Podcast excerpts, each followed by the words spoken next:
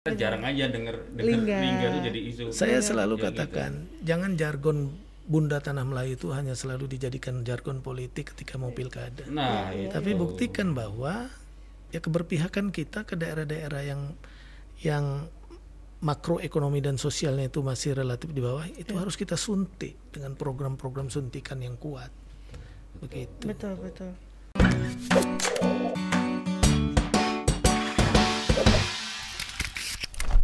Ada banyak pertanyaan ya di di Facebook, boleh lihat ada yang mungkin disiapin Iya teman-teman. Pak, kita jadi menjawab Iya. dulu Oh, pertanyaan iya. dari Mm-mm. Tribuners yang ada di Iya. Mm-mm. lagi nonton ya. Laki Luki Saputra Dari menurut, Luki Saputra. menurut Pak Anzar, rencana jembatan Batam Bintang itu memang seharusnya jadi program prioritas jika Pak Ansar memimpin Kepri goalnya apa untuk adanya jembatan Batam Bintang? Oh, tadi sempat Tadi di- sempat di- disinggung. Ah, ah. Mungkin nggak apa-apa diulang lagi, Pak. Nanti. Ya saya kira begini, jembatan Batam Bintan ini sebenarnya sudah di penghujung. Sudah di Penghujung penghu- sudah di penghujung persiapan pelaksanaan. Oh, Oke. Makanya saya ada share saya punya rapat dengar pendapat sama Menteri PU. Saya tanyakan terus sama Pak Menteri. Pak Menteri ini review desainnya sudah, ini sudah. Ini janji Pak Jokowi secara vulgar waktu beliau kampanye. Dan ini jadi generating faktor ekonomi. Nah, terus kapan ini mau dimulai? Pak Menteri langsung jawab, di situ saya kutip juga. Insya Allah kata beliau tahun 2021 sudah mulai dilelang itu. 2021. Nilainya hampir 10 triliun, panjangnya 6,7 kilometer.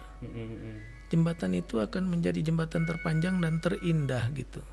Karena itu di depan Singapura ya kita mesti Itu dari mana mana? Kalau Batam di mana, Pak? dari Kabil, Oh, nanti Kabil. ke landing pointnya di Kabil, di sananya di Lobam itu.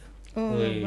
Ya, Kalau tadi Pak, goalnya kalau menurut Pak ini, mungkin tadi sempat disinggung ya. Iya. goalnya ekonomi. Ekonomi tetap ya. Bayangkan hari ini contoh interkoneksi listrik kita karena di dasar laut itu kan selalu down dia. Mm-mm. dan mahal sekali itu kabelnya kalau ada gangguan. Kita hari ini Bintan tidak punya terminal gas. Semua gas dibawa dari Batam, Batam. pakai Iya, iya, roro, pakai truk.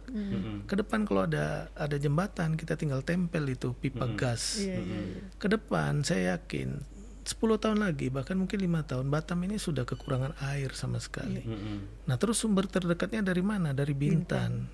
Karena daerah aliran sungai di Bintan tersedia seperti Dambusung rencana itu. Mm-mm. Nah, ke depan itu hampir tidak mungkin dan sulit kalau pipa air itu dipasang di dasar laut, maka bisa ditempel di jembatan. Oh. Terus dari pariwisata tadi sudah kita ceritakan. Iya, Iya, iya, Buat mobilitas. Hari ini Bintan jadi buffer zone-nya Batam. Iya. Satu hari di Pulau Bintan termasuk Tanjung Pinang itu menghasilkan sayur dan buah itu 80 sampai 100 ton. Oke. Itu 80% pasarnya di Batam. Mm-mm. Tapi overhead cost-nya tinggi sekali Iya, karena iya, petani harus naik roro, turun naik, harus begini, Betul, begitu betul, mahal, sehingga tidak kompetitif. Maka kalau ada jembatan memudahkan semua, Mm-mm. gitu. Oke. Hmm. Tuh, tuh. Next, next.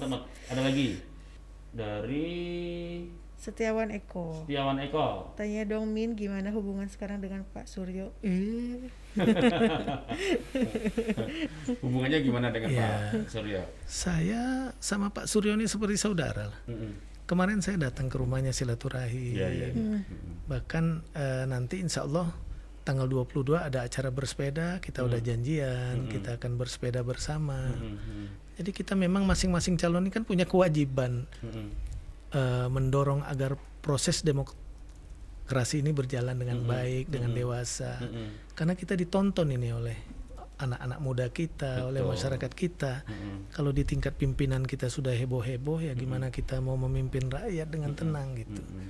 Jadi ya saya berusaha bersama-sama dan Pak Suryo juga begitu. Kalau Pak Isdianto saya yakin sama juga. Mm. Kita akan jadikan pilkada ini ya pesta yang menggembirakan lah bagi rakyat. Gitu. Tapi Setuju, yang Pak. tentu yang kita adu adalah ide, gagasan, argumentasi. Saya kira itu kadar kualitas seorang pemimpin ditentukan oleh itu. Secara hubungan personal tetap baik Wah, Pak. Meskipun baik, bersaing di pilkada. Iya. Begitu tadi. Dan Pak Suryo kan orangnya hangat. Ah. Ada lagi? Wah, panjang banget nih. Jonathan Sihaloho, siapa pun pemimpin Kepri nanti tentu saja ketika memimpin nanti akan menghadapi situasi pasca pandemi COVID-19. Dalam pengembangan bidang-bidang strategis di Kepri tentu akan berbeda strateginya dengan kondisi yang sebelumnya. Contoh kebijakan pemerintah pusat terkait proses belajar mengajar secara online. melemahnya pariwisata secara keseluruhan dan lain-lain. Sehingga pembaharuan yang dibawa juga perlu disesuaikan dengan kondisi yang ada. Bagaimana langkah-langkah Pak Ansar apabila dapat memimpin Kepri nanti dengan kondisi seperti ini? Spesifiknya kebijakan strategis tiga tahun pertama. Wah, wah ini kayaknya nanti jadi ini nih debat itu. Debat loh. ya, panjang-panjang betul. Iya. Boleh dijawab Pak? Boleh Ya, jawab. boleh boleh. Mm-mm. Saya kira kalau menangani situasi extraordinary tentu dengan kerja yang extraordinary juga. Jadi nggak ada eh, waktu untuk kita bermain-main bekerja. Mm-mm. Maka yang perlu kita lakukan pertama kita harus memperbaiki ekonomi. Tadi sudah kita bahas panjang Betul, lebar. betul. Kalau bicara soal kesulitan pendidikan dengan sistem online memberatkan orang tua, Iya, ya itu. Pemda pemerintah mesti hadir di situ. Kan ada eh, biaya operasional sekolah, Mm-mm. Bos itu. Hmm. Saya kira kalau hanya sekedar biaya internet, biaya ini, Pemda bisa menanggulangi itu kok melalui bos daerah. Mm-mm. Jangan sampai masyarakat tidak bisa mengikuti pendidikan dengan baik karena kesulitan mereka untuk membayar, membiayai internet anak-anaknya. Ya kalau anaknya tiga itu juga loh Pak. Makanya dan Perlu saya kira tiga. saya kira itu bukan hal yang mahal kok gitu. Asalkan kita sungguh-sungguh. Mm-mm. Saya dulu di Bintan itu APBD kita 600 miliar aja, saya bisa nyediakan bus sekolah gratis saja lap- 58 bus setiap hari ngurus anak sekolah. 18 kapal dari pulau ke pulau antar jemput anak sekolah bisa. Saya bisa beli laptop untuk guru-guru eksak semua waktu itu. Dan saya kontrol itu. Komputer-komputer sekolah gimana anak kita mau pinter kalau komputer di sekolah SMA-nya 5 hanya 3. Jadi memang kita mesti Harus pastikan gitu ya. Iya, dan bicara pendidikan itu adalah tugas mandatori. Mm-mm. Tugas mandatori itu tugas wajib. 20% anggaran pendidikan itu harus dikontrol, Mm-mm. harus tepat sasaran. Orang kadang-kadang bicara 20%, tapi indikator tepat sasarannya apa? Iya. Maka kita kepala daerah mesti kontrol itu sungguh-sungguh. Mm-mm. Dan dulu di Bintan saya kontrol betul. Kalau tidak, ya kemampuan kita terbatas. Betul, Jadi tidak ada kata lain itu. Hmm. Jadi ekonomi kita dorong, pendidikan kita jaga, Hmm. pendidikan-pendidikan vokasi kita dorong. Pendidikan vokasi. Hari ini berapa setiap tahun anak-anak tamat SMA yang tak nyambung sekolah? Iya. Ke mana mereka? Mereka Nyari belum kerja juga. mereka belum siap kerja, harus siap Kerja latih. Kita mesti latih mereka. Mm-mm. Saya bangun sekolah boarding itu, Bintan Tourism Institute itu. Di Bintan walaupun satu tahun. Satu tahun 120 130 anak yang tak nyambung saya boardingkan di situ 15 juta satu anak. Hmm. Saya kerjasama dengan lembaga sertifikasi dari Australia, Mm-mm. dari BNSP dan Sahid Jakarta. Hmm. Mm-mm. Tamat mereka 98% mereka bekerja di hotel-hotel. Hmm. Kemarin pulang 10 orang dari Maldives, dari kapal Royal Caribbean Cruise Amerika, dari Dubai, dari Qatar. Bangga saya. Mm-mm. Cukup setahun. Mm-mm. Kalau lama-lama ngabisin uang Pemda, setahun dia kerja. Kalau dia Ya, punya ya, ya, gaji, Dia dia, bisa nyambung lagi. sendiri dengan Iya, uangnya. Adik-adiknya tiap tahun bisa ikut. Ya, ya. Coba kita pikir sekepri. Mm-mm. Maka kita mesti dorong pendidikan-pendidikan vokasi seperti itu. Ya. Pendidikan vokasi. Vokasi. Vokasi, pendidikan-pendidikan khusus singkat yang bisa menjamin mereka kerja. Kerja. Dan kita mesti menjamin pendidikan di Kepri ini atau harus link dengan pasar kerja di sini. Mm-mm. Maka sebaiknya posisinya minimal 60 40 persen. 60 persen pendidikan, 40 persen pendidikan umum, Iya. 60 persen mesti pendidikan kejuruan. Iya. Itu baru ideal karena kawasan kita kawasan investasi. Ya. Yes. Pak Ansar ini smart nih. Iya. Enggak ini. Ada lagi nih Pak. Alin Mustaqim.